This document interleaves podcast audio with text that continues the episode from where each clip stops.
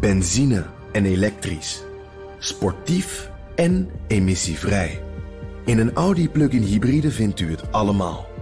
Ervaar de A6, Q5, Q7 en Q8 standaard met quattro vierwielaandrijving. Wat u ook zoekt, u vindt het in een Audi. Audi. Voorsprong door techniek. Voordat je verder gaat luisteren, even dit. Ik ben Maria Punch en ik maak de podcast Woordwaarde over taal en communicatie. Nieuwsgierig? Je vindt Woordwaarde op bnr.nl, in de BNR-app en natuurlijk ook gewoon in je favoriete podcastplayer. Hartelijk welkom bij de Technoloog. Nummer 177. Welkom Ben. Ja, welkom Herbert. We zijn er weer. We hebben Martijn Koch als gast. Ja, en we gaan het hebben over onderwijs in tijden van corona. En uh, Martijn eh, heeft allerlei leuke, interessante hoedanigheden die hem echt heel erg geschikt maakte, maken voor deze aflevering van de Technoloog. Hij werkt bij de TU Eindhoven als ontwerper onderwijsvernieuwing. Dat is één. Hij geeft informatica les op Mill Hill College. Dat is ook in Eindhoven, hè Martijn? Nee, dat is in Goorlen. In Goorlen, goed zo. Ja. Ook goed. En hij heeft kinderen in de basisschoolleeftijd. Dus op drie manieren heeft hij nu te maken met de effecten op het onderwijs. Van wat en ik heb nog in het HBO en in het MBO gewerkt. En ik heb daar nog wel wat connecties ook geraadpleegd. Dus Doe maar. ja, Het kan niet op. Het totale onderwijs komt eh, hier aan bod. Ja. ja. Mooi zo. En eh, wat ook wel interessant is, jij hebt ons zelf benaderd. Niet, niet met de vraag, mag ik alsjeblieft in de technoloog? Maar gewoon, jij, jij stuurde een mail met eh, ja, een overzicht van jouw ervaringen hè, op verschillende van deze terreinen. Meer om ons op ideeën te brengen. Nou, dat deed je dus. En toen dachten we, ja, wie kunnen we hier beter gewoon eh, over Ja, vragen om te komen praten dan, eh, dan Martijn zelf. Dus dat hebben we gedaan en hier zitten we dan.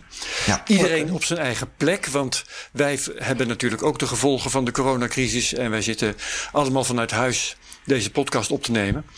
Ehm, met mogelijke gevolgen voor, dat, dat, eh, die riedel kennen de luisteraars ook wel, voor de geluidskwaliteit. Maar we nemen allemaal lokale op, mixen dat achteraf. En hopelijk geeft het dan een geluidskwaliteit die in de buurt komt van wat de luisteraars van ons gewend zijn.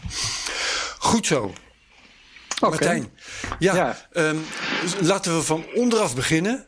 Eh, die basisschoolkinderen van jou, ehm, hoe vinden die het eh, deze dagen om, eh, om thuis te zijn en thuis te leren en dat soort dingen? Ja, ze zijn er op dit moment wel een beetje klaar mee. Ehm, Twee zoontjes, zijn- hè? groep 4 en Ja. groep 6. Ja, klopt. Dus eh 7 en 9. En ze, ze snakken naar de vakantie. Dus het was vandaag echt. eh, ik moest met heel veel eh, overredingskracht moest ik ze vanmorgen nog brengen. Ehm, dus, eh, maar dat is gelukt. En Ja. ja, het is, Maar wat, eh, wat, het doen is ze onwennig. thuis? Ja, onwennig, zeker. Hoe Nou ja, thuis? omdat eh, mijn vrouw in de zorg werkt en ik in het onderwijs, zijn wij dus cruciaal beroep. Ja, nee, en zeker. in die dus hoedanigheid mogen ze Ja. dus naar, eh, naar school. Ja, als bij wijze van opvang. Ja, en eh, ja, dat blijkt dus ook best wel echt opvang te zijn. Dus als ze op school zijn, dan is de, de docent via de laptop met ze in contact.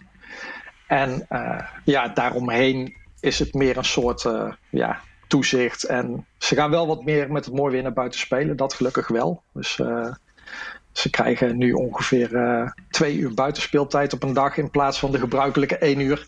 Oké, dat Dus, is cool. dus dat, ja, dus dat is wel prettig. Ehm, maar dat ze er echt blij van worden, nee. Nee. Dat, eh, dat maar, maar ze hebben dus minder bemoeienis van de leraar dan ze vroeger hadden. Eh, leren ze nu heel erg zelfstandig werken, bijvoorbeeld? Ehm, nou, de, de, de jongste die is, zeg maar, thuis is die heel erg eh, in de strijd met ons. En op school is die normaal gesproken poeslief. Dus die, die juf heeft ook gezegd van, nou, je hebt zo hard gewerkt dit jaar, doe maar lekker rustig aan. Ik vind het allemaal wel goed. Dus die, die wil gewoon nu lekker spelen. En ja, dat is een beetje afstemmen met de rest van zijn klasgenoten, waar het nog wel wat moet gebeuren. Dus die vindt dat dan een beetje moeilijk, want dan wil hij gewoon lekker veel eh, eh, dingen gewoon bouwen en buitenspelen en dat soort zaken. Ja. Ehm, dus die, ja, voor hem is het niet zo leuk. Die, eh, die oudste, die is juist, eh, die zit op een, eh, op een school voor hoogbegaafdheid. Dus die pakken normaal best wel flink ook aan. Echt anders dan regulier onderwijs. Daarom moest hij daar ook echt weg. werd hij niet genoeg uitgedaagd. en die, ja, die is heel erg gedreven. Die wil echt al zijn taken halen. En we merkten wel dat hij met veel stress thuis kwam, omdat hij dan toch de hele dag achter de laptop zit. En dan is hij s'avonds echt wel helemaal gaar. En toen hebben we met de juf geprobeerd om, om dan wat minder te laten doen. Maar daar is hij dan zelf te streng naar zichzelf en dat wil hij toch allemaal doen. Dus uh, oh. nou, dat, dat lukt op zich best aardig. Um, dus ja, hij doet gewoon keurig wat van hem wordt gevraagd. En die werken eigenlijk heel erg volgens het standaard uh, stramien. Ja. Uh, dezelfde taken, daar is eigenlijk niks in aangepast. Alleen alles staat dus nu in de Google Classroom. En, um, ja. Komen we nog over te spreken? Komen we ja. spreken. Ik wil eerst even vragen, kan je dus de hele lesmethode kan helemaal digitaal. En dat kon ook al, of is dat nieuw gemaakt? Um, er zijn twee dingen. Je hebt, aan de ene kant heb je dingen met werkboekjes. Nou, daar is gewoon heel plat gezegd, zeg maar, zijn die werkboekjes gescand. En die sta ik hier als vader thuis te printen. Dus moest ook ineens een printer kopen. Daarvoor probeerde ik alles zonder papier te doen. Maar dat moest dus... je moeten weigeren gewoon. dus ik heb nog voorgesteld van mogen die boekjes niet gewoon komen ophalen. Want die liggen ook in de klas. Maar dat was uh, te ingewikkeld. Um, en dan heb je een aantal dingen die doen ze met uh, een, een, online methode. En dan hebben we het over twee methodes eigenlijk. Die hebben zowel uh, de oudste als de jongste hebben dat. En dat is uh, Ginsey en Snapit. En dat zijn eigenlijk digitale leeromgevingen waarin je dus kunt differentiëren en op niveau laten werken. En dat is een, een platform wat Ehm, ja, op zich wel interessante kant heeft. Ja, dat is al best wel uh, een tijd. Dus maar was het vraag van jou... of was het echt uh, was, was het meer hobby of echt gebruik? Want ik ben. Nee. Is, nee, ja, wat was het? Dat, dat is al, uh, al een aantal jaren in het basisonderwijs gebruik. uitgebreid in gebruik. Oké. En dat is ook wel een eerste interessante technische kant, zeg maar, om te belichten. Um, want het is wel leuk waarom dat is uh, aangeschafte scholen en waarom het op zich in de basis wel werkt. Vertel, want ik ben er gisteren naartoe gegaan, ik heb een accountje aangemaakt. Maar alles was gelokt, want je moet natuurlijk van, de, van een juf moet je een code hebben, had ik niet. Ja. Maar ik dacht even checken. En uh, ja, ik, ik zat meer te kijken. Ik heb even op Crunchbase gekeken welke investeerders erachter zitten, hoeveel belangen er zijn om dat uh, te pushen in de markt, hoeveel geld ermee moet worden verdiend, hoeveel data er moet worden verzameld, zodat je in, in de hersenen van de kinderen kan komen, zodat je brave belastingbetalers van ze kan maken, wat natuurlijk uiteindelijk het grote doel is. Dus ik was meer daarmee bezig dan hoeveel uh, 6 keer 8 gedeeld door uh, eh, 4 is. Maar goed. Ja. Nou, als je, als je nadenkt over de basisschool, dan is het natuurlijk uh, het enige schooltype eigenlijk in Nederland waar uh, iedereen van elk niveau bij elkaar zit. Nou, ik, we hebben al gemerkt met onze oudste, die dus gewoon echt uh, ja, boven de, de 130 qua IQ zat, die, die liep daarin vast. Dus het werkt niet helemaal, alle niveaus bij elkaar in Nederland. Maar dat wordt zo goed mogelijk geprobeerd. En een van de gedachten van zo'n programma als Ginsey of Snapit is dus dat, uh, dat die leerlingen op een eigen niveau kunnen doorwerken. Um, er gebeuren wel interessante dingen, want ik, ik, heb, ik moest even trekken aan mijn zoontje, de jongste, want die wilde niet uh, dat ik ging inloggen op zijn account en mee ging kijken. Omdat ze dus heel vaak spelletjes gaan doen, daar kom ik zo nog even terug. uh, maar toen hij dus liet zien van wat hij dan uh, als serieus werk daarop doet, merkte ik van hé, hey, hij heeft best wel interesse in de ruimtelijk-visuele opgaven. met name in het rekendomein. Hij zegt van ja, papa, die vind ik leuk en daar ben ik al heel ver in. En, en als het goed is, kan dus een juf aan de achterkant zien van hé, hey, uh, hij is uh, ver ontwikkeld in, uh, in dat segment. En daar zou je dan als docent iets mee kunnen doen. Mm -hmm. Die vraag heb ik nog niet terug kunnen geven, want ik ben gisteren eigenlijk pas daar ingedoken van wat is er allemaal op te halen. Maar ik heb nog niet aan zijn docent gevraagd van doe je daar nou iets mee? Maar vanuit mijn eigen docentschap zou ik me kunnen voorstellen dat je bijvoorbeeld praktische opdrachten in de klas daar wel iets mee kunt doen met die informatie. Je hebt het over uh, nu of over Ginsey? Nee, over Ginsey. dus stel dat, dat je ziet van iemand die leert heel ruimtelijk visueel. Ja. Uh, of die laat bijvoorbeeld... Hij is bijvoorbeeld spelling vindt hij niet leuk. Nou, dat, is, dat, dat, dat ligt vooral veel open. Mhm. dus ik kan me wel voorstellen dat voor een docent een handig gereedschap is om een beetje in beeld te krijgen van hé, hey, waar zitten nou de sterke kanten van leerlingen en waar hebben ze ondersteuning nodig? Dus in die hoedanigheid is het ook al zeker al een jaar of vijf, denk ik, in gebruik in Nederland. Uh, dat werkt denk ik wel. Ik kan me goed voorstellen dat als je zo'n klas hebt met allemaal verschillende niveaus, dat je, ja, dat je met zo'n tool daar wel een beetje grip op krijgt. Maar je schreef ons, uh, er, er komen perverse prikkels bij te pas. Kun je daar eens iets over vertellen? Ja, nou, dus er komen bij, de, naar mijn idee, wat uh, mindere kant van het verhaal. Dat is dat, um, nou, dit pakket wordt heel vaak aangeboden aan scholen in combinatie met de hardware. Uh, ik weet niet of je het hebt gezien, maar als je op uh, Ginzy kijkt of op uh, Cloudwise, een Nederlands bedrijf, of op Snapit, dan zie je vaak dat ze de software aanbieden in combinatie met een Chromebook of met een iPad. En dan moet je ongeveer denken aan 100 euro per leerling per jaar. Nou, dat mhm. zijn natuurlijk bedragen die zijn eigenlijk niks. Als je bedenkt dat uh, als je gewoon een computer koopt, een beetje fatsoenlijker voor op een, uh, een bureau in een klaslokaal, zoals bij mij in het ICT-lokaal, ja, dat kost gewoon 800, 900 euro per systeem. Ja. En hier heb je eigenlijk voor 100 euro per jaar, en dat is dan een vierjarig leasecontract, heb je dus voor 400 euro uh, eigenlijk de, de, levensduur van de machine, ja, heb je inclusief de leermethode. Ja.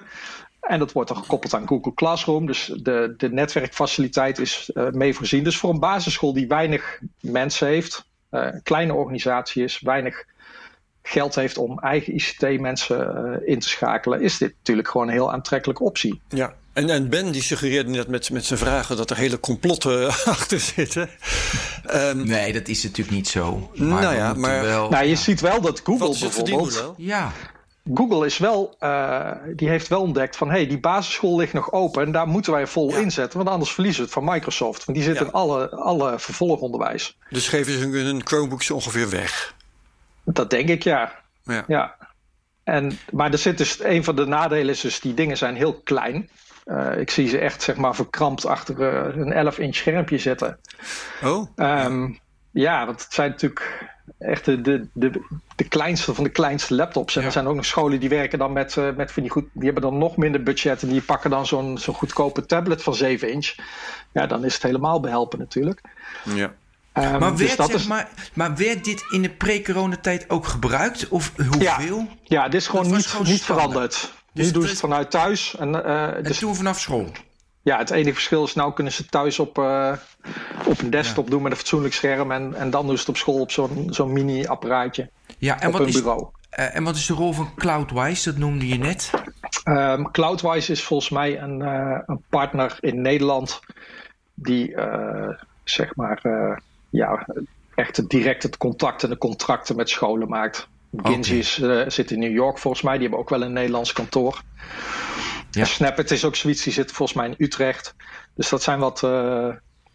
Ja, nou ja, ik zit nu op cloudwijs.nl en ik vind het wel grappig dat is, uh, weet je, dit website users cookies logisch. En uh, is per, uh, dus per default moet je de preferences, dus de, de, de, marketing en de statistics uitzetten. En zij hadden ze per default aangezet. Dus ik vind altijd wel, dat vind ik altijd een mentaliteit dat ik denk van, hé, hey, grappig. Dus dat viel me op. Oké, okay, dus die zorgen dat, die maken die, um, die zorgen, zeg maar, de managed services voor de scholen. Daarvoor ja. zorgen ze, denk ik. Ja. Oké.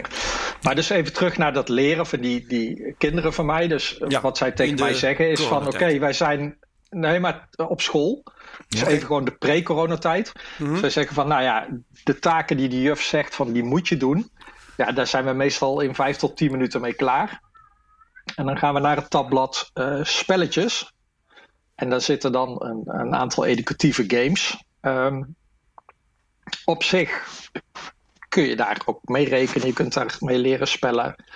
Maar het is duidelijk uh, dan ondergeschikt aan uh, time spent op, het, op de game, zeg maar. En mm -hmm. ja, ja, dus ik zie ze dan bijvoorbeeld... Uh, zag ik, dat vond ik leuk. Maar ik wil even een vraag, want jij zegt ze zijn na 15 minuten klaar. Ja, waarom? Omdat ze veel te weinig hoeven te doen. En voor bijvoorbeeld jouw zoon, ja, dat is veel te makkelijk. Dus die is ja. in vijf minuten klaar. Andere le leerlingen zijn in een uur klaar. Dus dan gaat ja. het erom, wat doe je met die leerlingen die drie kwartier niks te doen hebben? Die gaan spelletjes doen. Maar die kun je ook iets aanbieden wat uitdagend is, interessant, boeiend, waardoor ze doorgaan. Ja, maar dat is dus denk ik in zo'n basisschoolklas lastig. Want dan uh, gaat het ineens iets vragen van de docent. En dat gaat ineens je klasdynamiek uh, in een ja, wat meer reuring brengen, zeg maar. Uh, terwijl zolang ze gewoon een half uur allemaal achter dat laptopje zitten, dan is het heel beheersbaar, denk ik. Um, en ze kunnen moeilijk zeggen van oké, jullie zijn klaar, gaan we even buiten rennen op het schoolplein. Wat je misschien zelfs wel zou willen. Zeker die jongste van mij, die is heel fysiek ingesteld. Ja, die heeft een aantal van die sommen ook snel door. En dan uh, laat hem maar lekker rennen. Of dat Ginzi is niet goed. Want kijk, jouw zoon is na 15 minuten klaar, iemand anders na een uur. Maar hij kan ook moeilijk. Dus nu gaat hij naar het tabblad spelletjes. Maar hij kan ook dan verdiepende opdrachten moeten doen. Ja, ja, dat is, dat is ook een ding wat ik merk wat lastig is bij Ginzi. Is uh, als ze in de, de leeromgeving zitten, waar ze dus eigenlijk zelf uh, allerlei leerwegen zelf kunnen kiezen. Dus ze kunnen uh, challenges unlocken en uh, dat soort zaken afhankelijk van wat ze gedaan hebben. Dus dan komen ze steeds verder. Maar daar zitten twee problemen aan. De ene is, ze moeten niks. Dus het is best wel vrijblijvend. Mm -hmm. en het tweede is, het is te veel. Dus als je het opent, dan zie je ongeveer 30 verschillende soorten opdrachten. En dan ook nog eens op allerlei niveaus.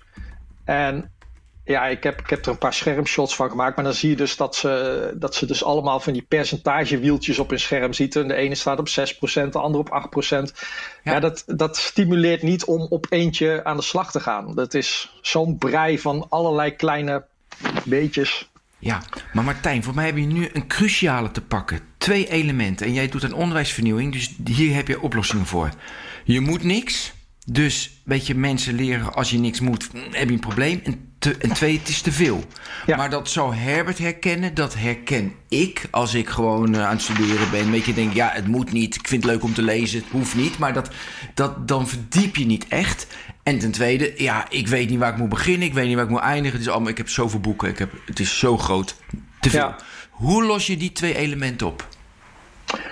Um, ja, dat is toch. Uh, uh ja, er een, een, bepaalde moedkant aan brengen. Dus uh, frictie is altijd goed om, uh, om dingen te leren. Ja, dat was een van de dingen die jij in jouw mail aan ons had gezet. Hè? Uh, kinderen leren niet doorbijten met dit soort leermethodes. Nee, nee. En het is ook gewoon, het is, het is zoveel waar je naartoe kan. Het, er zit ook niet een haalbaar doel bij of zo. Dus dat is ja, natuurlijk ook lastig. Je kunt Hoe leer je dan van, wel hey, doorbijten? Um, ja, dit, die van mij die, die leren het ook op andere vlakken. Dus dat, is, dat mm -hmm. gaan ze dan elders compenseren. Maar um, ja, om het uh, af te dwingen is denk ik toch... Ik, ik denk altijd praktische opdrachten, daar gebruik ik zelf veel. Vind ik een heel fijn middel, omdat ik echt uh, wat langere tijd... wat grotere dingen van ze kan vragen. Is natuurlijk met die kleintjes moeilijk. Ik sta ook bewust bovenbouw, uh, VO, les te geven. Um, past iets meer bij mij, maar ja, ja bij die. Uh, ik ik ja. denk dat het al, een, al heel goed zou helpen als ze gewoon daar. Uh, dat, dat een juf of een meester gewoon één taak klaarzet. Waarvan ze echt zeggen van nou, dit is op jouw niveau. En die moet je gewoon gaan maken. En dat het ook gewoon ja. iets is waar ze een kwartier mee vol aan de slag kunnen. Ja. En, en uh, na het verplichte nummer zo'n game in kunnen wandelen, is, is dat misschien slecht? Die, die gamificatie maakt dat ze te makkelijk? Nou ja, ik denk dat. Uh, dat uh, kijk, ik laat de, de, kids in mijn klas ook wel eens de laatste vijf minuten op hun telefoon. Dat vinden ze dan ook leuk. Maar dat ja. is gewoon duidelijk, dat is de laatste vijf minuten. Maar ik denk niet dat het zo moet zijn dat als je uh, 30 minuten met de, de tablets hebt ingepland in de klas en ze zijn na vijf minuten klaar met het echte werk, dat het dan dus 25 minuten vrijheid blijheid wordt. Ja. Dus die, die balans, denk ik, is, is dan zoeken. Ja. ja. En uh, doe, wat ik me nog afvroeg, want daar uh, hadden we net ook een misverstand over. Um, nu in, in de coronatijd, jouw kinderen gaan, gaan naar school, gaan naar de opvang. Doe jij ook nog aan thuisonderwijs of, of hoef jij dat niet door de omstandigheden? Um, nou, wij, wij, brengen ze niet de hele week, gewoon omdat ze dat, uh, dat, dat, dat trekken ze eigenlijk niet. En ja. dat betekent dus dat, dat op de dagen dat ze thuis zijn, dan moet ik ze wel begeleiden, inderdaad. Ja, en dan ben ik geïnteresseerd in wat doe jij thuis anders dan wat de school doet? Nou ja, wat ik anders doe is dat als ik ze gewoon s'morgens inderdaad aan het werk zet, dan zijn ze over het algemeen uh, voor de lunch met alles klaar. Mhm. Dus ja, een dag is gewoon eh, wat korter. En dan uh, smiddags dan vliegen ze naar buiten. Of dan die oudste die is vooral heel erg bezig met muziek maken. Die houdt van GarageBand. Dus die is nu alles, van alles aan het componeren. Oh ja. Die gaat dan dat soort dingen Mooi. doen. Dus die leert ontzettend veel op dat vlak. Ja. ja. En die, maar... die jongste die, die heeft ontdekt dat hij zelf naar de Lidl kan fietsen nu. En ja, dat... dat is ook bijzonder. Ja, dus die gaat... Uh, leren. Die gaat daar van alles in uitproberen nu. Met een vriendje. En uh, nou ja. Maar goed, Blijkt dus ineens uh, op mijn bankafschrift dat ze vier donuts hebben gekocht. Dat ze, heel goed. Nou ja. ja. Dat is heel goed van Oké, maar dat niks moeten is dus wel gewoon met een autoriteit dat je wel het dus verplicht. Of is sociale druk, heeft dat nog zin? Um, ik weet niet of bij die kleintjes sociale druk echt werkt, maar inderdaad, ik denk, denk dat die gewoon een beetje autoriteit nodig hebben. En, ja, autoriteit. En, en dat gewoon inderdaad de goede opdrachten voor ze worden klaargezet op basis van ja, waar ze, ja, dat is altijd, je hebt het over de zone van nabije ontwikkeling hè, bij kinderen. Dus uh, je wilt dat ze leren, zeg maar, iets wat net moeilijker is dan wat ze al kunnen, maar niet hmm. te moeilijk. Ja, ja. Um, dus in de selectie van het werk wat ze moeten doen, dat, dat, dat is natuurlijk wel echt een taak voor een docent om dat uh, precies af te stemmen. Ja, maar kan uh, Ginzi daar niet bij helpen? Want Ginzi ziet alles wat je doet, wat je niveau is, hoe snel je het uh, doet. Ja, dus ik denk dat Ginzi op de achtergrond in, in het backend, zeg maar, voor de docent daar heel veel informatie over geeft. Alleen als ik naar het frontend kijk, wat ziet mijn zoontje nou als hij daarop inlogt, dan heb ik niet het gevoel dat daar enigszins, zeg maar, ja op maat gemaakte dwang wordt. Ja, je zou het ook kunnen prikkelen dat, dat er uh, ja. zo van, nou, je kunt uh, sticker verdienen als je nu uh, de komende kwartieren die drie taken doet, want die passen echt bij jou en dat is precies waar jij mee bezig moet zijn. Ja. Dat, zo presenteert het programma zich niet. Mm -hmm. een, een, van jouw klachten was ehm, tegenover ons: de scholen gaan vol in op het kopiëren van de schoolstructuur naar thuis. Ja. Um, ja, vond ik wel klassiek. Hoe, waar, waar uitzicht dat? Hoe merk je dat? Um, nou, wat ik zeg, bij de oudste, die krijgt dus gewoon exact dezelfde 25 taken die hij op school heeft, krijgt hij thuis mee. Terwijl ja, okay, ja. hij denkt nu ook van, hé, hey, ik kan thuis ook met andere dingen bezig zijn en daar kan ik ook leren. Um, ook is het zo dat als je in de klas zit, dan heeft die, uh, die docent heeft natuurlijk een bepaalde dagstructuur met die kinderen, maar die zorgt er ook voor dat die dagstructuur wordt bewaakt. Ja. Als je thuis je, bent. blijft volgens mij een beetje langs je microfoon. Ik hoor wat bijgeluiden. Kun je oppassen dat uh, de microfoon okay. ongemoeid blijft? Heb ik het goed? Want de, ja, ik misschien beschuldig ik je ten onrechte. Ja. Oké, okay, ja, het zou. Ja, zo is netjes. Oké. Okay. Um, dus, dus die, die schoolstructuur die schoolstructuur is inderdaad, uh, ja, is niet altijd even makkelijk uh, zelf te handhaven. Zeker als je als ja. één ouder twee kinderen met verschillende scholen, zoals wij hebben, parallel aan elkaar moet, uh, moet nabootsen. Ja. Dus dat, dat is best wel pittig. En, um, Hoe zou dat anders ja, moeten? Ja, dat weet ik Kunnen? niet. Ik heb, ik, wat, okay. ik, wat ik bij mijn klas heb gedaan, is dat ik ook de leerling heb gevraagd van ja, hoe ziet jouw situatie er thuis uit en op wat voor manier zou je thuis willen werken? Ja. Dus ik heb gewoon de eerste twee weken eigenlijk vooral tijd genomen om ze dat te laten uitzoeken en mij te laten vertellen van, ja, wat, wat kun je nu wel en niet doen thuis? En dan zie je hele grote verschillen. Dus ja, dat maakt gewoon het, uh, verschillende thuissituaties. Ja. Ja. En maar dat, dat, schaalt, wel... dan, dan, dan, dan, maak je een soort uh, privéonderwijs. Dat, dat schaalt toch niet? Uh, scholen zijn toch bedoeld om onderwijs wel te laten schalen? Ja, um, het ligt er ook een beetje aan hoe je het aanbiedt. Kijk, ik zit natuurlijk in bovenbouw uh, VWO, HAVO. En de manier waarop ik mijn lessen geef zijn al heel zelfstandig dat ze eigen leerdoelen, eigen projecten kiezen. Ja. Dus dat lukt jou wel om, om leerlingen heel individueel te behandelen? Ja, dus uh, bij mij ja. zijn ze eigenlijk allemaal bezig met wat ze zelf willen in de klas. Dat is af en toe wel uh, voor mij uh, soms een beetje een uitdaging om met name de, de ondersteuning van software en hardware goed erop af te stemmen. Mm -hmm. Soms een beetje rennen, maar dat, dat gaat wel. En in dit geval is het dus gewoon zo dat de helft van de klas zegt van wij kunnen door waar we mee bezig waren. En de andere helft zegt van ja, maar wij waren bijvoorbeeld bezig met Arduino's op, uh, op school. En die hebben we nu niet thuis. En dan uh, ga ik kijken wat kunnen ze als alternatief gaan doen thuis. Dus ja, ja maar natuurlijk op een basisschool is dat uh, toch allemaal wat meer sturing nodig bij de kinderen. En ze hebben toch een wat meer generiek programma. Dus ja, maar eh, jouw aanpak, eh, leerlingen vragen van ja, wat, wat, zou je, wat, wat kun je thuis en wat wil je? Zou, dat, um, zou een basisschool dat ook kunnen doen? Dat is natuurlijk, natuurlijk wat lastiger. Nou, wat ik, wat ik dus wel zie verschil tussen de twee scholen van mijn kinderen is dus dat de ene school zegt van nou, we proberen het zo strak mogelijk uh, gelijk te trekken met de situatie op school. Ja. Um, en bij de jongste is het gewoon zo dat de, de juf zegt van ja, je hebt uh, al zoveel gedaan dit jaar en je zit gewoon goed op schema voor eindgroep 4 ik maak me er allemaal niet zo heel erg druk om. Het, komt wel goed. Dus uh, kijk maar gewoon wat, wat je kunt doen. En uh, ja, dus dat is, uh, dat is ook een, een mogelijkheid.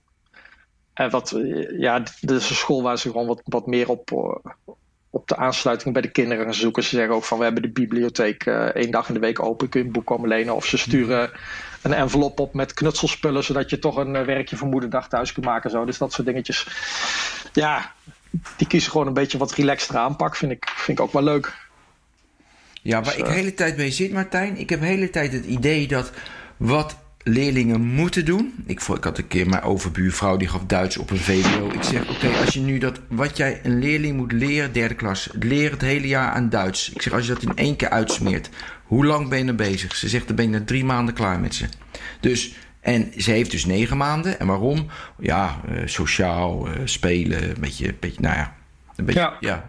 Dus, en dat vind ik, heb het idee nu met dat digitaal. Ja, joh, die opdrachten doe je in de ochtend een paar uur. En de ene doet er vier uur over, de andere doet er een uur, uh, doet er een uur over. En voor de rest is het spelen. En het is fijner op school, want dan heb je een structuur. Want dan kan je met allemaal vriendjes spelen. En dat is voor het sociale aspect goed. En thuis is dat anders. Ja. Maar ja, het probleem op zich zie ik minder. Maar ja, ik, ik kijk er waarschijnlijk overheen. Dus dan ga jij nu vertellen waar ik overheen kijk. Nou, ik, nou, op zich denk ik dat het wel zo is. Alleen, uh, moet ook niet vergeten dat we ieder jaar dit moment eigenlijk sowieso al hebben. Hè? De, als je kijkt, we hebben nu zes weken thuis zitten werken. Uh, dat is precies zoveel als normaal de zomervakantie. Ja, ja.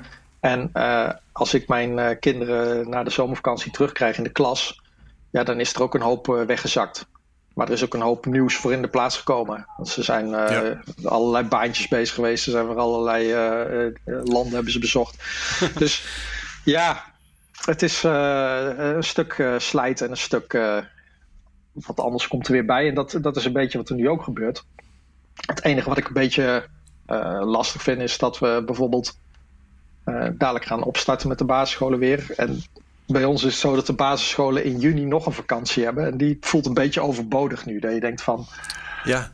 Is dat wel handig om daar die vakantie dan nog een keer te doen? Er is ook sprake van om die over te slaan. Hè? Ik weet niet meer welke minister dat was die daarover begon. Maar ja. het wordt wel gesuggereerd dat we die zomervakantie maar een keer niet moeten doen. Omdat we toch. Nee, ik bedoel niet de grote zomervakantie, nee, maar de, de junivakantie.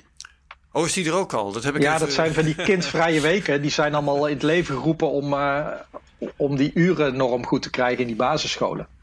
Oh ja. Dus uh, toen we naar die continu roosters zijn gegaan oh, en vrijdagmiddag toch maar naar school, zaten ze met wat veel uren en hebben ze dus eh, vaak, uh, de ene heeft dan 12 juni nog een vakantie en de andere 19 juni nog. Nou, dat is allemaal. Ja. Dus dat, we, we, hebben het nu over docenten, we hebben het over leerlingen. Ik, ik wil het eigenlijk wel even over ouders hebben. Um, heb jij als docent behalve met leerlingen ook veel contact met ouders die nu thuis uh, hun kinderen in het gareel moeten zien te houden? Um, nou, ze zoeken mij in ieder geval uh, als zijnde docent informatica niet op. Uh, Nou is het sowieso zo dat de, de, de, de informatica groep is een groep die kiest bewust voor het vak, hè, want het is geen verplicht vak. Oh ja. En ja, die zijn over het algemeen wel gemotiveerd. En de, de meeste daarvan die kunnen ook best wel goed doorwerken nu. Maar er zijn er een, een, paar bij wie het toch wat lastiger is. Maar de, de ouders die, ja, die komen niet op mij af. Nee, die hebben ook niet per se dezelfde affiniteit met informatica als hun kinderen. Stel ik me zo voor. Nee, ik heb bijvoorbeeld wel, uh, het was wel leuk, want ik heb in voorbereiding even op dit uh, gesprek heb ik uh, nog contact gehad met onze ICT-systeembeheerder van het Mill Hill. Ja. En ik heb gevraagd van wat zijn nou bepaalde keuzes en afwegingen die jullie hebben gemaakt in voorbereiding op zeg maar het thuiswerken. Mm -hmm. En die heeft bijvoorbeeld wel gesprekken gehad via de mail met ouders die dingen gingen suggereren voor de school. Mm -hmm. En het was wel leuk om daar even inzage in te krijgen. Dat je denkt van, hé, hey, oké, dit is... Uh... Nou, vertel maar. Ja, precies. nou, er was dus, uh, uh, ja, waren dus een aantal, tweetal ouders die, die in de ICT zitten. Die, die zaten dus van, ja, gaan vooral aan de Microsoft Teams nu. En ja, onze systeembeheerder, die, wij, wij zijn een school die echt nog een een goed geoutilleerde uh, ICT-afdeling heeft. Ja. Die uh, vrij klassieke school eigenlijk. We, we, hebben de leerlingen best wel veel papierwerken. Uh, en er zijn gewoon een aantal ICT-lokalen met computers. Eentje daarvan heb ik dus als informatica-lokaal ook.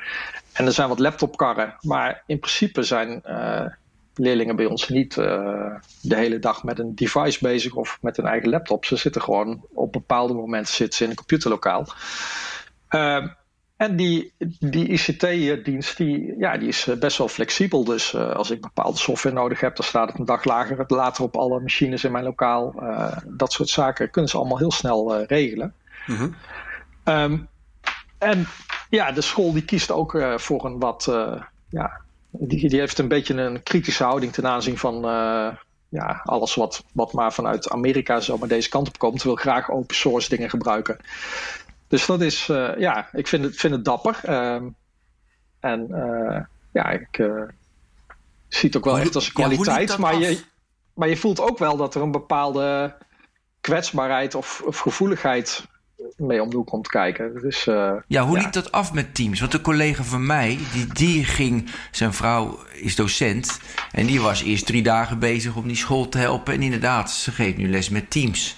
Ja. ja, ze hadden geen alternatief en uh, dat was het makkelijkste. En nou, oké, okay, dan maar Teams. Ja, ja, nou wat, wat onze school heeft gedaan is, uh, uh, wij werken met Moodle, dat is een open source onderwijsomgeving, waarin je dus echt materiaal voor je vakken kunt klaarzetten. En er zitten echt heel veel modules in. Echt, ik heb ook in Teams ben ik ook ingedoken, maar bij Teams zijn bijna alle modules die erbij doet, uh, die zijn van externe partijen. Dus als je bijvoorbeeld Slack-integratie wil, dan zit je dus eigenlijk gewoon je eh, Teams aan Slack te koppelen. Of als je, ja. nou allemaal dat soort dingen. Trello of... Uh, en bij uh, Moodle kun je ook allerlei modules inladen, maar die draaien gewoon mee op de server op school.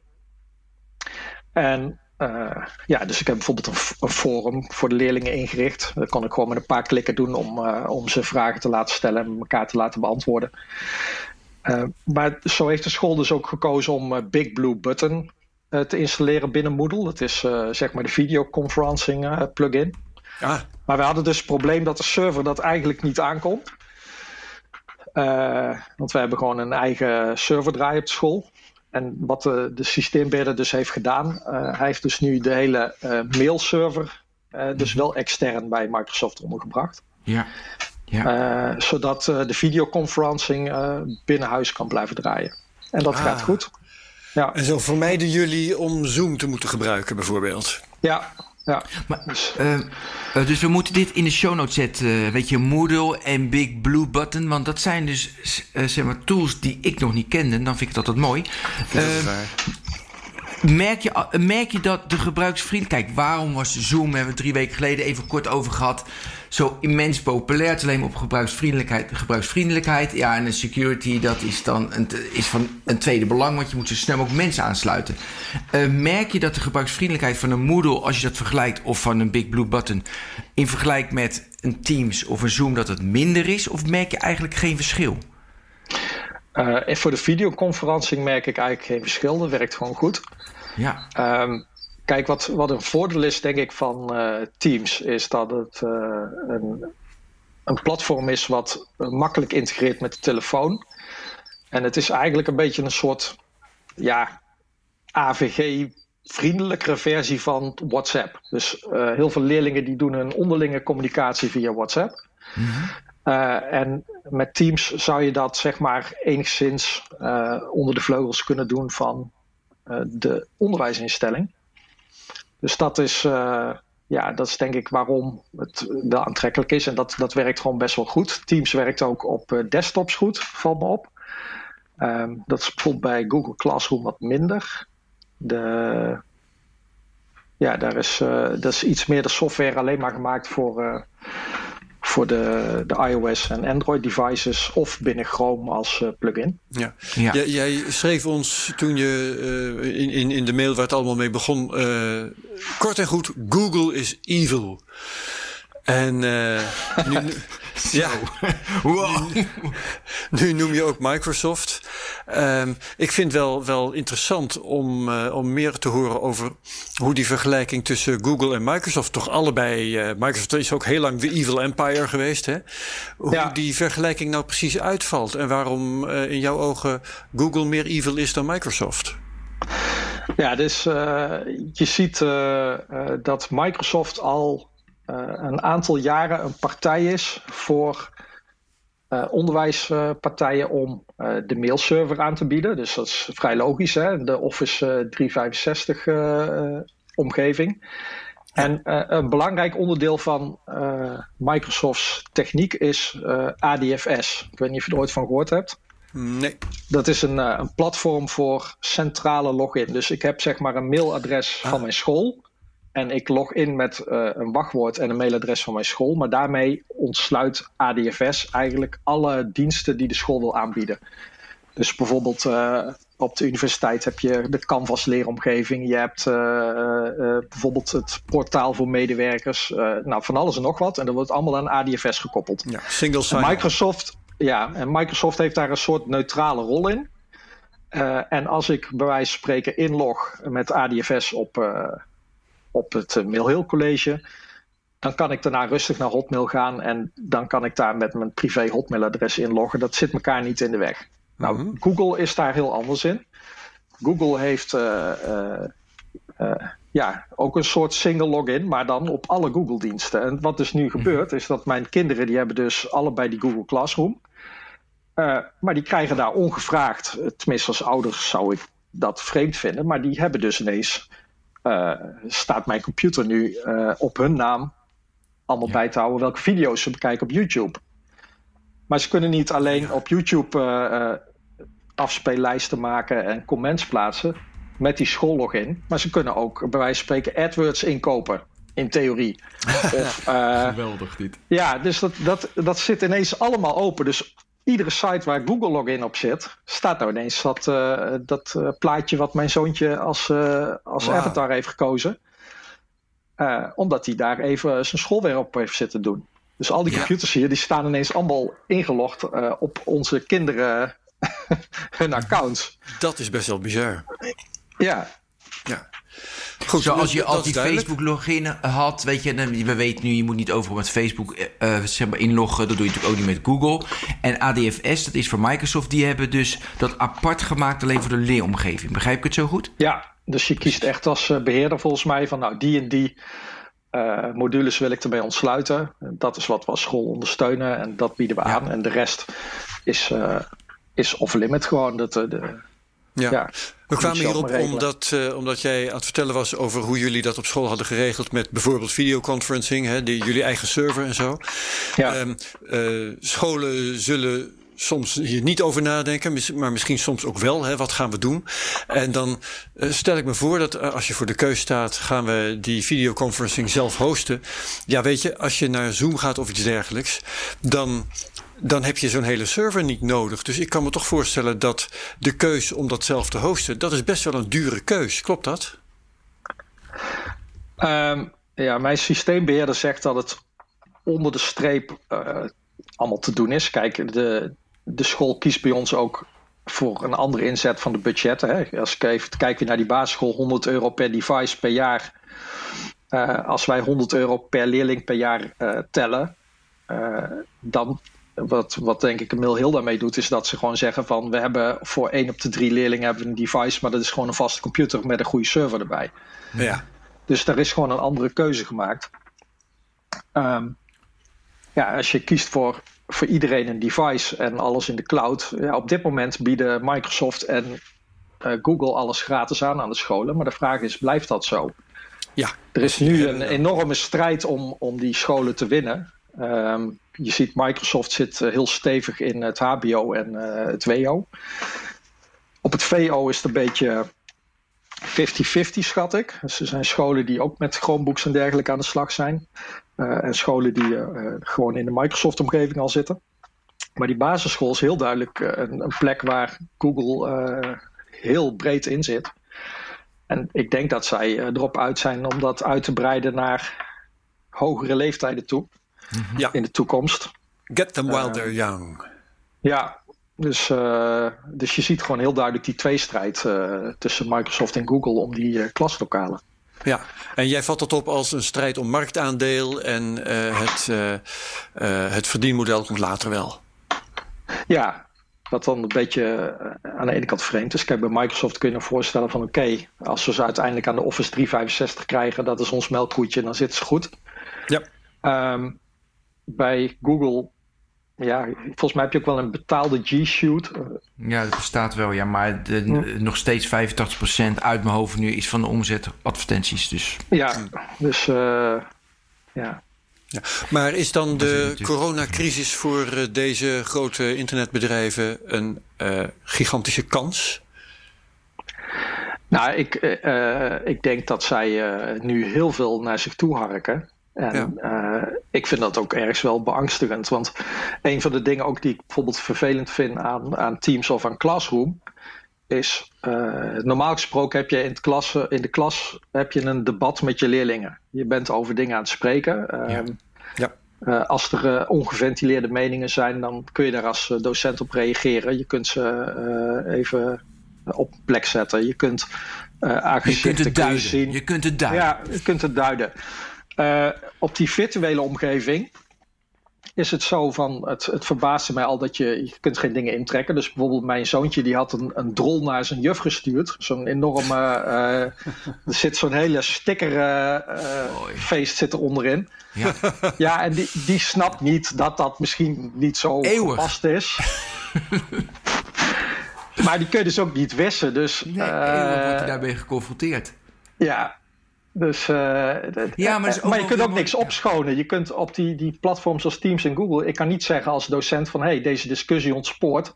Ja. Ik gooi hem er even uit. Of die chat uh, die gaan we even modereren. Of van hallo, wat zijn we hier aan het doen? Zullen we dit even splitsen in drie uh, losse discussies? Dat gaat niet.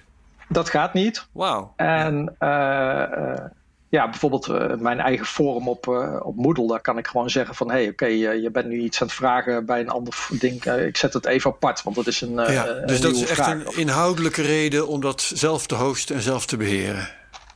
Ja, dus ik merk wel, wij kunnen, wij kunnen wat meer op de puntjes de dingen ja. instellen. Maar dat is ook weer ja, het hangt ook weer af van, van wat kan de docent wel of niet zelf oppakken daarin. Want eh, ja, niet iedereen zal daar zin in hebben. Ja. Uh, dus ik zeg eigenlijk van Classroom en, en, uh, en Teams is als een soort uh, gereedschapskist met een, met een hamer en een, en een waterpomptang. Daar kun je alles wel een beetje mee doen. Ja. Um, ja, en uh, ik heb toch liever een uh, gereedschapskist met, uh, met de, de, echt, de echte goede gereedschappen. Zeg met ook maar. nog een pincet erbij, bij wijze van spreken. Ja, precies. ja, maar Martijn, wat je net vertelde vind ik onwijs interessant. Want dat hebben we echt een half jaar geleden of zo hadden we een podcast. Ik ben vergeten welke.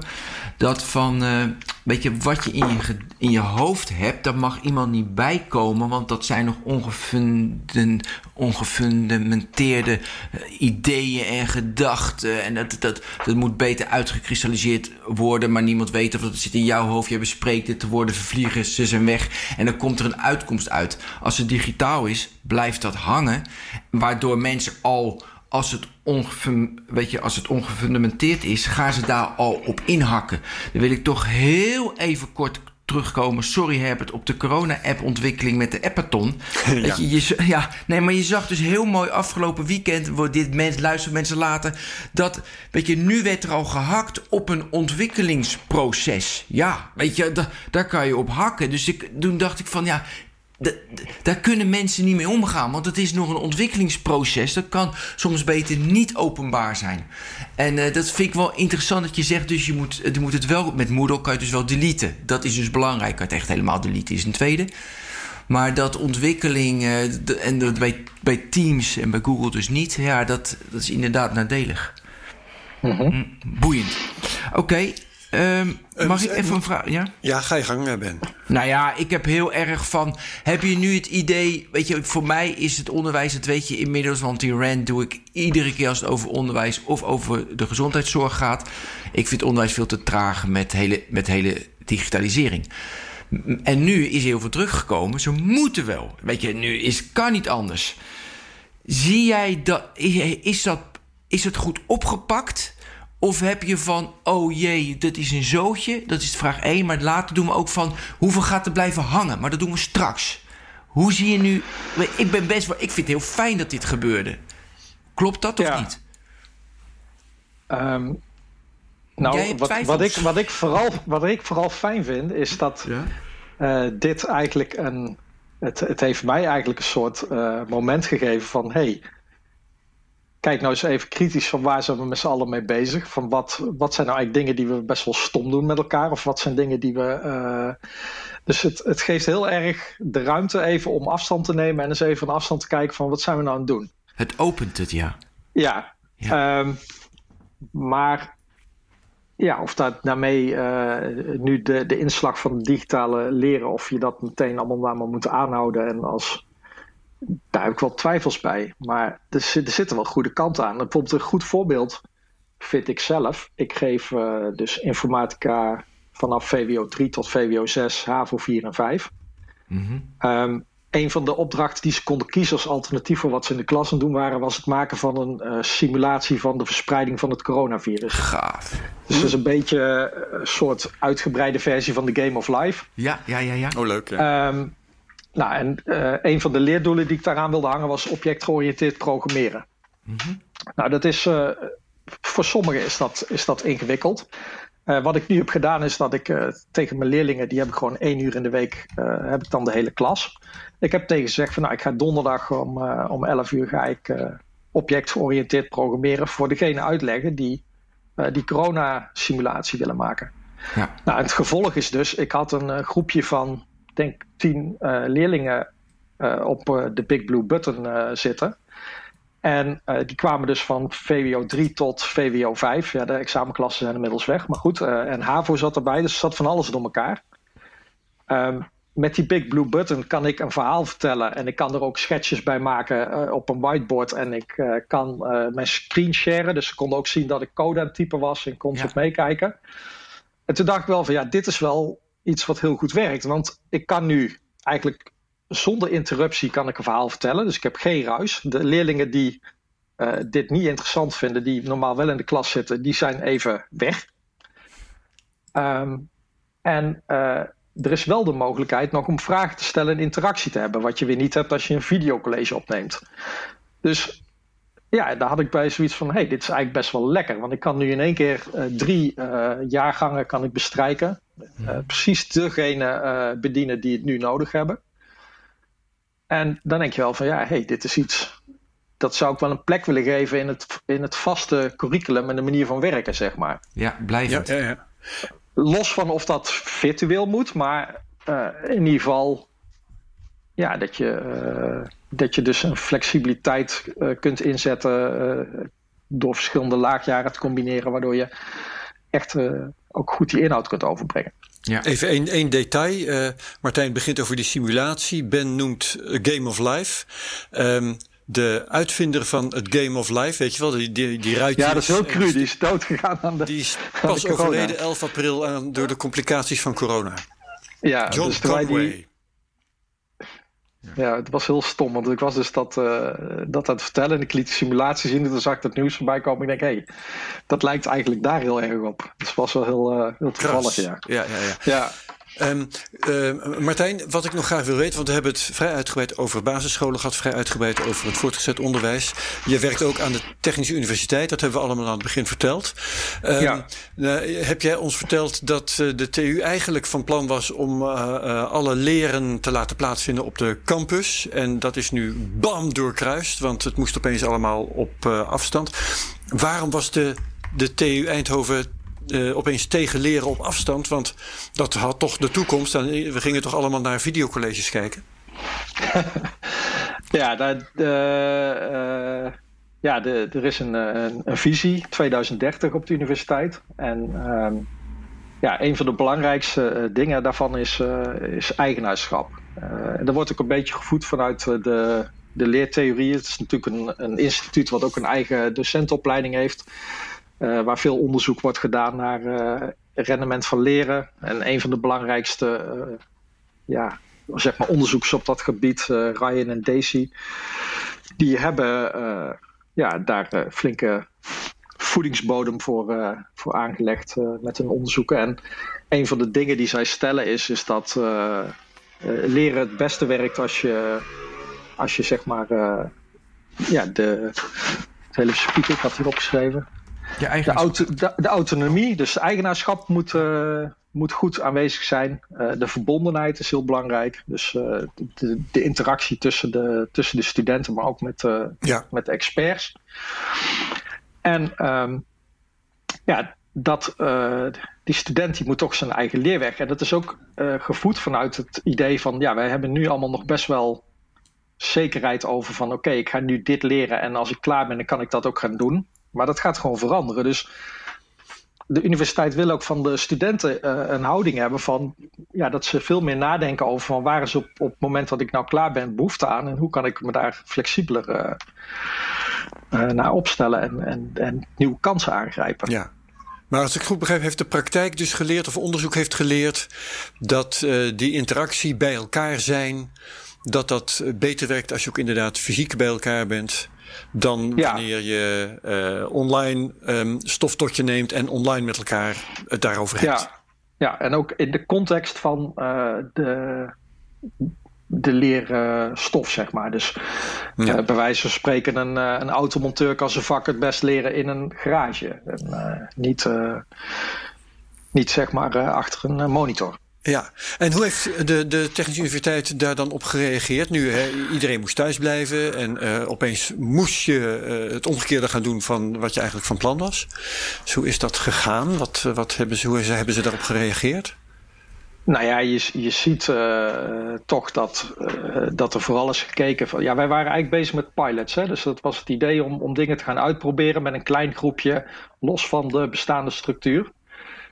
Um, ja, we wilden bijvoorbeeld een vak gaan doen in het Innovation Space. Dat is een uh, grote open labruimte waar dus 70 studenten bij elkaar zouden kunnen werken met 3D-printers en, uh, en maakapparatuur. En nou, daar allerlei dingen kunnen gaan uitproberen. Uh, korte ontwerpcycli laten maken met. nou, dat, dat, dat kan nu niet. Dus het vak was eigenlijk zeg maar nog steeds 90% op de traditionele manier. En dat wordt dus nu aangehouden. En dat moeten ze dus nu thuis gaan doen. Maar ja, dat is, uh, dat is wel een puzzel. En je ziet dus dat uh, inderdaad uh, examens worden dan gedigitaliseerd. Er wordt gekeken dus met die term proctoring, wat jullie niet zeiden, van hoe kan ik nou op afstand waarborgen dat er niemand op mee zit te kijken. Ja, de, um, ik zag op televisie zag ik studenten die moesten hun laptop, de camera van hun laptop laten rondkijken door hun kamer. Zodat we ja, konden zien dat daar niet... Toen kreeg ik trouwens... Een behulpzame oom zat of zo. Ja, toen kreeg ik zelf ineens het idee van wat nou als er beneden iemand zit. ik heb zelf uh, Macs en heb je heel makkelijk met een remote desktop. Stel nou dat ja. beneden een ouderejaars met remote desktop mijn machine overneemt. Het is zo lekker als wat. Ja, ik weet niet. Nee, weet je niet? Nee, maar, nou, ik weet niet of dat kan. Kijk, het zit binnen de oh. Chrome browser. Dus, maar volgens mij, de Chrome browser kan niet uh, waarnemen of uh, remote desktop van Apple actief is. Nee, nee maar goed. Dus, um, op deze manier uh, examens afnemen, dat, uh, dat gaat toch niet werken? Dat is toch zo lekker als wat, lijkt mij. Iedereen ja, kan ik daar heb wel trucjes voor bedenken. Ja, ik heb zelf uh, tijdens de, de leraaropleiding heb ik, een examen op afstand moeten doen. En toen moesten we gewoon een, kregen we in de mail een opdracht om een essay te schrijven. En dan moest gewoon drie uur later ingeleverd worden. Mooi. Ja. Oké, je, je wil zeggen dat was best een goed idee. Dat was, de, nou, ja, dat werkte goed. Dat was met open boek, dus je mocht alle, alle boeken erbij pakken die je wilde hebben. Iedereen bellen die je wil. Ja, zorg maar dat je aan informatie komt en schrijf het nog op. Ja, ja. ja. ja nee, en dus, uh, ja, dus dat, dat is gewoon denk ik allemaal even vooruitgeschoven. 2030 is nog ver weg, dus er kan nog best een beetje... Dan is het vaccin er wel. Ja. Dus we hebben lang weer de volgende pandemie, joh. Ja, daarom, ja. ja. Maar dus wat, wat wel interessant is nu bij de universiteit... wat naar mijn idee niet helemaal uit de verf komt op dit moment... is, is ook weer dus dat, dat debat. Dus uh, waar heb je nog de, de ruimte dat die, die studenten echt even... Uh, ja, even een goed robbertje kunnen discussiëren met elkaar. Uh, ja. ja. is dat er wel? Nou mogen we vanaf, uh, we nemen dit op even voor de duidelijkheid, voor op 23 april. Uh, het is nu twee dagen bekend dat, um, uh, dat er weer naar school gegaan mag worden. Maar met allerlei ingewikkelde toeters en bellen, allerlei voorwaarden nog. wat, wat gaat er veranderen volgens jou op korte termijn? Um, nou, in het primair onderwijs, dus voor mijn kinderen, ja, die uh, mogen dus nu, omdat we dan uh, zelf in het onderwijs en de zorg zitten, mogen die naar school. En die zijn dus nu uh, de hele dag op school en die worden aangestuurd via de Google Classroom door een docent. wat er voor hun gaat veranderen is, is dat zij straks de helft van de tijd waarschijnlijk officieel naar school mogen. En, en weer omdat zij dan tegenkomen? En dus klasgenoten tegenkomen, een halve klas. Ja. Uh, en dat zij dan die andere tijd waarschijnlijk ook nog op school blijven, maar dat ze dan weer afstandsonderwijs moeten gaan genieten. Maar ik weet nog niet precies hoe dat moet, want die, die juf of meester staat dan die andere helft te bedienen natuurlijk. Dus uh, of ze dan uh, een paar luizenmoeders invliegen om die dan maar te laten oppassen. Volgens mij ja. is het best wel, best wel complex. En, ja, moet weer allemaal opnieuw uitgevonden worden. Ja, dus ik denk van ja, we hebben nu zes weken, zijn we er een beetje in gezakt. We krijgen eigenlijk tot de zomervakantie waarschijnlijk weer zes weken waar de kinderen ook weer aan moeten wennen. Ja. Um, dus uh, voor, voor het PO zie ik het best wel complex. Ik snap ook niet dat er uh, dan niet wordt gezegd van nou, ja, die kinderen die zitten, die zijn zo jong nog en die zijn zo interactief met elkaar. Zou het echt heel veel helpen om ze in een halve klas te bedienen? Dat weet ik niet. Ja, of de scholen moeten echt zeggen van ja, we bieden dan ook gewoon maar de helft van de lesstof aan. En de rest zijn ze gewoon vrij. En dan mogen ze ook gewoon echt spelen bij een, een dagopvang, zeg maar. Jij bedoelt eigenlijk, je had ze net zo goed uh, in de complete klas bij elkaar kunnen jagen. Wat maakt het nog uit? Ja, zit daar nog, uh, zit daar nog echt winst in? Epidemiologische voordelen, daar, daar ja. twijfel jij aan. Ja. Ja.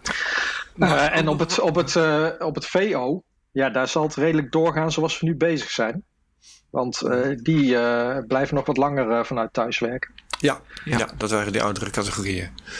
Ja. Dus, um, goed. Ja, en, en, en wat, wat, wat leren we nu over afstandsonderwijs dat we kunnen handhaven? Wat, wat voor mooie dingen hebben we nu uitgevonden en, en wat blijkt niet te werken? Kun je daar iets van zeggen? Nou, ik weet niet of er echt heel veel nieuwe dingen zijn uitgevonden nu. Um, nee, maar er is wel geëxperimenteerd. Ze zijn ja, dingen gewoon gedaan en geprobeerd. Ja, ik merk wel dat inderdaad, uh, naar even mijn eigen ervaring van uh, het, het, wat verticale bedienen van verschillende niveaus, maar dan uh, op, op inhoud. Ja, dat is denk ik wel echt iets om, ja, om als winst te zien. Af, ja. Ja. Um, de nou, het, het, het, heeft mij in ieder geval heel veel ook uh, opgeleverd om eens even goed mee te kijken van wat, wat doen die kinderen nou? Uh, hoe zit hun leeromgeving in elkaar? En dan zie je wel van hé, hey, een, uh, een, goed ontworpen digitale omgeving kan wel helpen om bepaald leergedrag in kaart te brengen. Waardoor je denk ik beter maatwerk kunt bieden.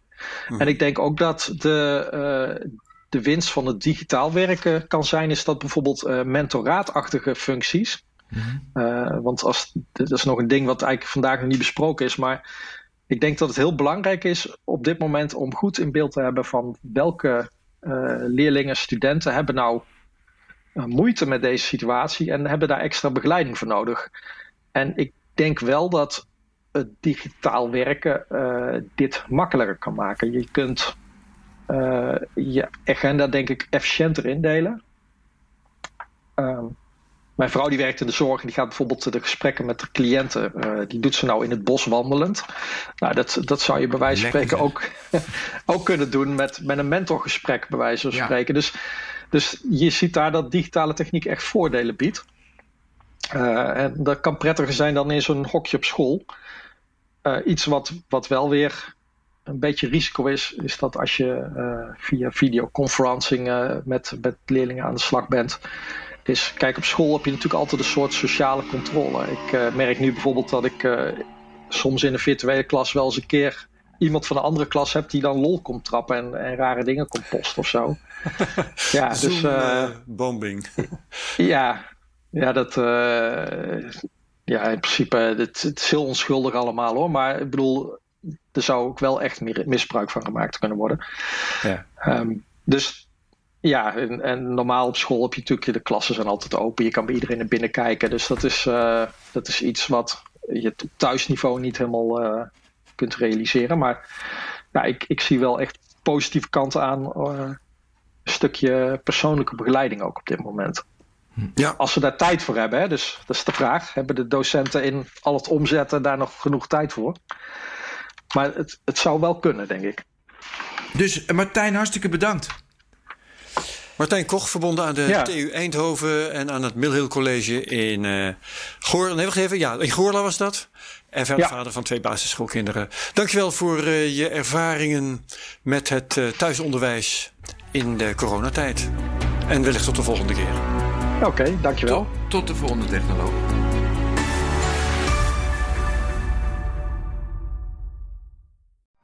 Benzine en elektrisch. Sportief en emissievrij. In een Audi plug-in hybride vindt u het allemaal.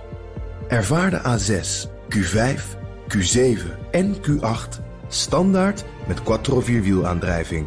Wat u ook zoekt, u vindt het in een Audi. Audi. Voorsprong door techniek.